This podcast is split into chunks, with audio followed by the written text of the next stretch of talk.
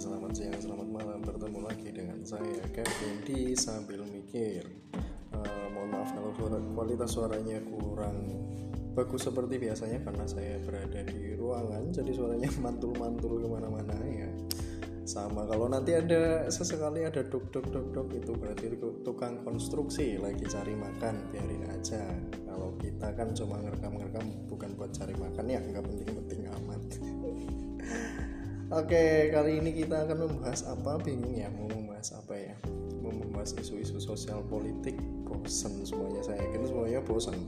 Tiap hari uh, mendengarkan berita, membaca berita, isu-isunya gitu aja semua. Uh, nggak nambah, nggak nambah informasi, nggak nambah sesuatu yang bermanfaat, malah nambah pusing. sementara kita membaca berita sementara orang lain ribut-ribut kita harus uh, tetap cari makan betul kan? Kita harus tetap uh, mencari penghidupan. Gitu. Maka dari itu saya kali ini memilih topik yang agak uh, bersifat personal personal motivasional. Waduh. Padahal uh, kita grup-grup yang anti anti motivator dan quote-quote anu ya quote-quote kata-kata mutiara tapi pembahasan kali ini uh, kurang lebih uh, menyangkut soal cita cita-cita. Ya sederhana sekali kedengarannya cita-cita. Meskipun sederhana uh, untuk suatu alasan tertentu banyak sekali yang uh, melupakan arti dan maknanya. Begini uh, saya sebagai guru setiap siswa baru yang saya kenal baik itu di sekolah maupun di uh, lembaga uh, rumah edukasi sinestesia itu pasti saya tanyakan yang pertama adalah cita-cita. Kenapa? Karena uh, percaya atau tidak percaya dengan cita-cita tersebut kita sebagai guru sebagai orang dewasa itu bisa menyimpulkan sedikit banyak tentang uh, karakter dari anak tersebut. Nah contohnya nih. Nah saya sebelum itu saya mau cerita nih saya juga menemukan uh, beberapa beberapa hal yang unik. Jadi ketika kita SD itu kita ditanya cita-cita kita apa? Kita menjawab dengan gampang ya dan gamblang. Cita-citamu jadi apa? Polisi dokter pilot ya polisi dokter pilot terus apa? Artis penyanyi ya. kalau sekarang kan variannya tambah banyak. Ada yang pengen jadi gamers lah ada yang pengen jadi pemain bola ada yang pengen jadi youtuber. Dan itu nggak salah karena uh, yang namanya zaman berkembang. Dan pasti cita-cita anak karena anak referensinya lebih banyak uh, jadi uh, bayangan mereka untuk sebuah cita-cita juga mem memiliki banyak sekali pilihan dan itu bukan sama sekali menjadi suatu masalah. Nah kemudian menginjak sekolah menengah SMP SMA ya. Udah mulai merasakan kesulitan-kesulitan yang nyata begitu.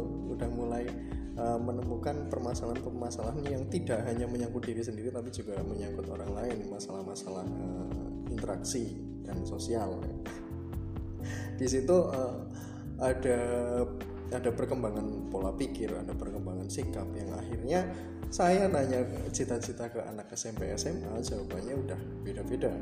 Jawabannya lebih spesifik. Dalam waktu bersamaan tidak spesifik. Maksudnya kayak gimana? Contoh nih contoh. Pengen jadi guru. Ya, kamu pengen cita-citanya pengen jadi apa? Mas mbak. Pengen jadi guru. Gurunya guru apa? Ya belum tahu ya guru kan macam-macam nih ada guru SD, ada guru SMP, guru SMA, guru mata pelajaran, guru IPA, IPS, matematika, guru ngaji, guru macam-macam. guru kamu mau jadi guru yang mana? Uh, maksudnya ya itu menjadi sesuatu yang penting karena setiap guru itu uh, karakternya berbeda-beda. Maksudnya setiap profesi guru itu cabangnya berbeda-beda dan uh, itu sama sekali tidak bisa dicampur adukan jadi satu guru seperti itu. Makanya ini menjadi sesuatu hal yang penting. Penekanan uh, spesifikasi dari sebuah cita-cita juga penting. Nah lanjut ke bangku perkuliahan ya. Sebenarnya nggak usah ke bangku perkuliahan. Ketika kita lulus SMA pun sudah mulai bingung nih. Bingungnya di mana? Bingungnya pertama milik universitas. Kenapa milih 90% ya dari tahun 2013 sampai sekarang statement saya masih sama. 90% mahasiswa adalah mereka yang salah mengambil jurusan. Dan itu udah banyak sekali yang uh, bilang seperti itu seperti itu ya seperti itu benar apa enggak sih kalau sepengamatan saya sebagai uh, praktisi pendidikan memang di lapangan seperti itu meskipun banyak yang tidak mengakui. Nah cuma itu sesuatu hal yang positif atau bukan? Akan menjadi sesuatu yang positif ketika uh, individual itu bertanggung jawab meskipun dia sadar oh ini bukan jurusan yang saya inginkan. Misalnya ini bukan bidang yang saya uh, idam-idamkan dari dulu tetapi karena saya sudah memilih saya harus bertanggung jawab dengan apa yang saya pilih. Itu akan uh, baik-baik saja. Beda beda di mana ketika uh, kita menemukan mahasiswa yang salah pilih jurusan ya karena diterimanya cuma di situ. Atau nilainya pas-pasan atau atau harus beli bangku dulu ya. No offense ya no offense karena uh, mahasiswa yang beli bangku pun belum tentu dia artinya tidak tidak mampu untuk belajar di universitas ya. Karena karena sistem seleksi pun berbeda-beda dan uh, sampai sekarang saya belum menemukan uh, standar yang bagaimana sih yang standar yang ideal gitu untuk seseorang bisa menempuh bangku kuliah gitu?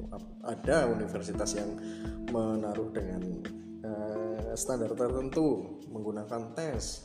Ada yang cuma bayar bisa langsung masuk? Ada.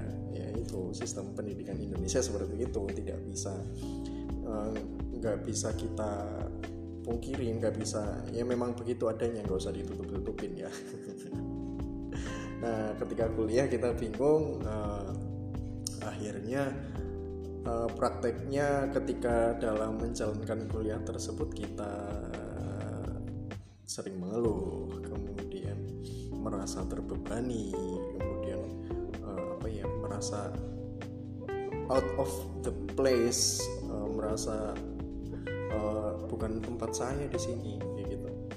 Akhirnya kuliah ya yang penting lulus berapa berapa lama pun yang penting lulus setelah itu mencari kerja pun karena dia melaksanakan pembelajaran karena dia melaksanakan perkuliahan dengan terpaksa akhirnya uh, bidang yang dia kerjakan kalau sesuai dengan uh, perkuliahan yang dia tempuh berarti uh, diawali dengan sesuatu yang tidak ikhlas dong.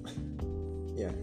Dan itu banyak sekali kita temukan. Mungkin orang-orang uh, terdekat atau mungkin teman-teman sendiri me merasakan seperti itu pernah merasakan seperti itu dan tidak ada yang perlu disalahkan ya. Saya juga nggak nyalahin siapa-siapa saya cuma cuma menganalisa namanya orang sok tahu ya cuma menganalisa ya. Cuma uh, saya membicarakan ini bukan untuk menyinggung bukan untuk uh, bukan untuk dasar kamu mahasiswa salah jurusan bukan. Karena uh, saya cuma bilang ada kondisi A begitu saja. Nah oh, hubungannya dengan cita-cita itu apa berarti ketika seorang anak saya menemukan ketika seorang anak mempunyai suatu cita-cita yang spesifik. Dia pasti uh, mempunyai beberapa ciri-ciri tertentu. Contohnya kayak gini ada murid saya yang uh, kamu cita-citanya apa? Dia bercita-cita kepengen menjadi bupati. Keren ya. Pengen jadi bupati ketika saya mendengar itu saya tergagum-gagum. Kenapa? Karena uh, itu adalah jawaban yang sangat jarang sekali. Berarti kan ada proses di mana dia uh, dia sampai ingin bercita-cita untuk menjadi seorang bupati, seorang pemimpin, seorang pejabat publik ya. Dan ketika melaksanakan pembelajaran pun uh, siswanya tergolong anak yang cerdas, anak yang kritis, anak yang uh, baru sekolah dasar tapi dia sudah ingin banyak tahu dan sudah uh, banyak tahu, sudah tahu bagaimana cara mencari tahu dan sebagainya. Sikapnya juga mencerminkan dia orang yang berpikir dulu. Uh, jadi cita-cita ini bisa cita-cita yang dia uh, dia ungkapkan ke saya itu bisa menjadi suatu tolak ukur uh, tingkat tingkat apa ya namanya? Tingkat kognitifnya tingkat pemikirannya tingkat um, cara berpikirnya itu nah ketika saya tanya memang sih yang namanya ya namanya anak sekolah dasar ya di ditanya ketika dia pengen jadi bupati pengen jadi bupati mana ya belum tahu. Terus caranya gimana jadi bupati? Sedikit banyak tahu. Nah itulah tugas orang dewasa untuk mengedukasi.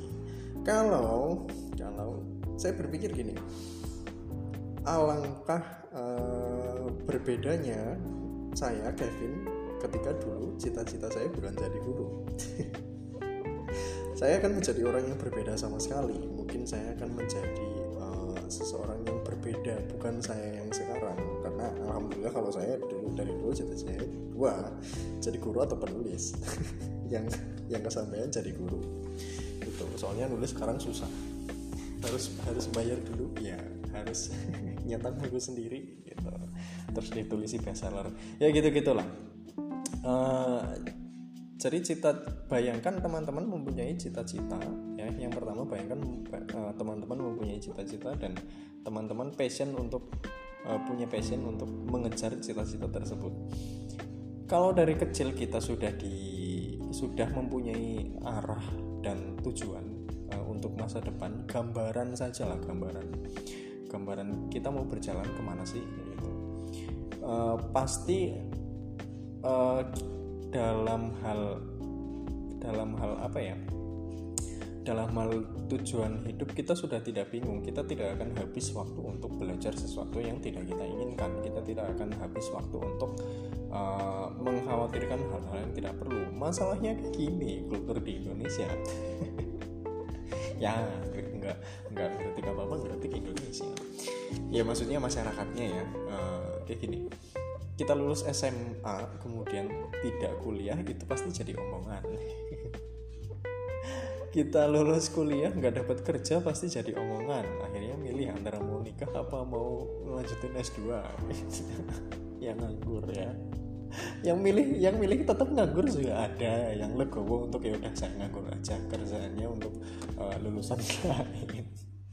Ada juga kemudian uh, ada tuntutan sosial yang membuat kita memaksakan uh, seperti seolah-olah memaksakan berjalan di jalan yang kita sudah tahu salah. Kita sudah tahu kita nggak pengen berjalan di situ tapi kita udah kadung jauh gitu daripada uh, muter balik diomongin orang mendingan kita maju aja. Meskipun kita tahu itu bukan uh, jalan kebenaran gitu ya. Make sense ya make sense ya. Uh, paham maksud saya ya. Nah, gitu. Karena kebanyakan kasus yang saya temukan orang-orang uh, yang uh, kurang mengeksplor uh, kemampuan dirinya itu pasti ditanya cita-cita dulu bingung. Atau sudah tahu cita-citanya dulu apa tapi sekarang uh, berbeda dengan apa yang dia cita-citakan dulu. Dan lagi-lagi itu tidak masalah ketika orang itu mau bertanggung jawab atas pilihannya. Sekarang dia sadar secara sadar dia aware bahwa oh ya ini bukan bidangku tapi aku masih bisa mengejar cita-cita misalnya. Contohnya nih aku nggak bisa jadi penulis tapi ketika aku kerja di suatu tempat atau menjalankan usaha aku masih bisa uh, me, apa ya membangun membangun karir istilahnya ya. Membangun mimpi membangun cita-citaku sebagai seorang penulis contohnya seperti itu. Banyak juga yang berhasil banyak juga yang sukses uh, tapi hanya itu kan kalau masalah statistik ya orang yang berhasil berapa sih nah uh, balik lagi ke masalah cita-cita tadi. Uh, sebuah cita-cita kalau kita sudah dewasa sepertinya memang sudah bukan sesuatu hal yang perlu dipikirkan. Kita udah udah punya pekerjaan contohnya kita sudah punya profesi kita sudah punya kesibukan kita lupa nah, dulu cita-cita kita apa. Padahal mungkin bisa jadi kemungkinan besar uh, kita yang sebenarnya adalah kita yang bercita-cita dulu waktu kecil. Jadi kalau saya berdiskusi dengan diri sendiri itu biasanya berdiskusi dengan saya yang waktu kecil. ya sok-sokan kayak kayak cerita apa gitu ya. Jadi saya tanya ke saya yang waktu kecil kamu dulu cita-citanya jadi apa, bagaimana kamu cara meraihnya. Kemudian saya terapkan uh, pemikiran sederhana saya waktu kecil ke uh, tindakan saya sekarang. Memang sih tidak tidak sesederhana dulu ketika ketika kita masih kecil ketika kita sudah dewasa kan semua tiba-tiba berubah menjadi, menjadi lebih rumit semua tiba-tiba berubah menjadi lebih susah tapi uh, tapi ketika kita sudah mengenal diri sendiri maka uh, in maka apa namanya ini? Dalam menjalani hidup dalam menjalani keseharian uh, niscaya akan lebih mudah. Sepengalaman saya seperti itu. Nggak tahu teman-teman yang lain. Oh, teman-teman yang lain meskipun uh, pekerjaannya bukan sesuai passionnya tapi gajinya gede ya nggak apa-apa juga. Karena kan ada sesuatu yang harus dikorbankan ya antara idealisme atau realistisme gitu. Mau yang mana lebih enak sih yang idealis idealismenya terjaga tapi gajinya tetap gede gitu. Ya uh, intinya saya sum up bahwa uh, coba teman-teman bereksperimen uh, tanya teman dekat masing-masing atau tanya orang terdekat masing-masing atau tanya ponakan kayak atau siapa kayak cita-citanya jadi apa. Pasti akan menjadi obrolan yang seru. Daripada ngobrolin ngobrolin sosial ngobrolin politik ya bukannya nggak penting tapi udah banyak yang bahas udah ribut kita jangan nama-nama yang ribut kita mikirin diri sendiri aja. Ya dah. Oke selamat siang selamat malam. Saya Kevin. Bertemu lagi di episode selanjutnya. Bye bye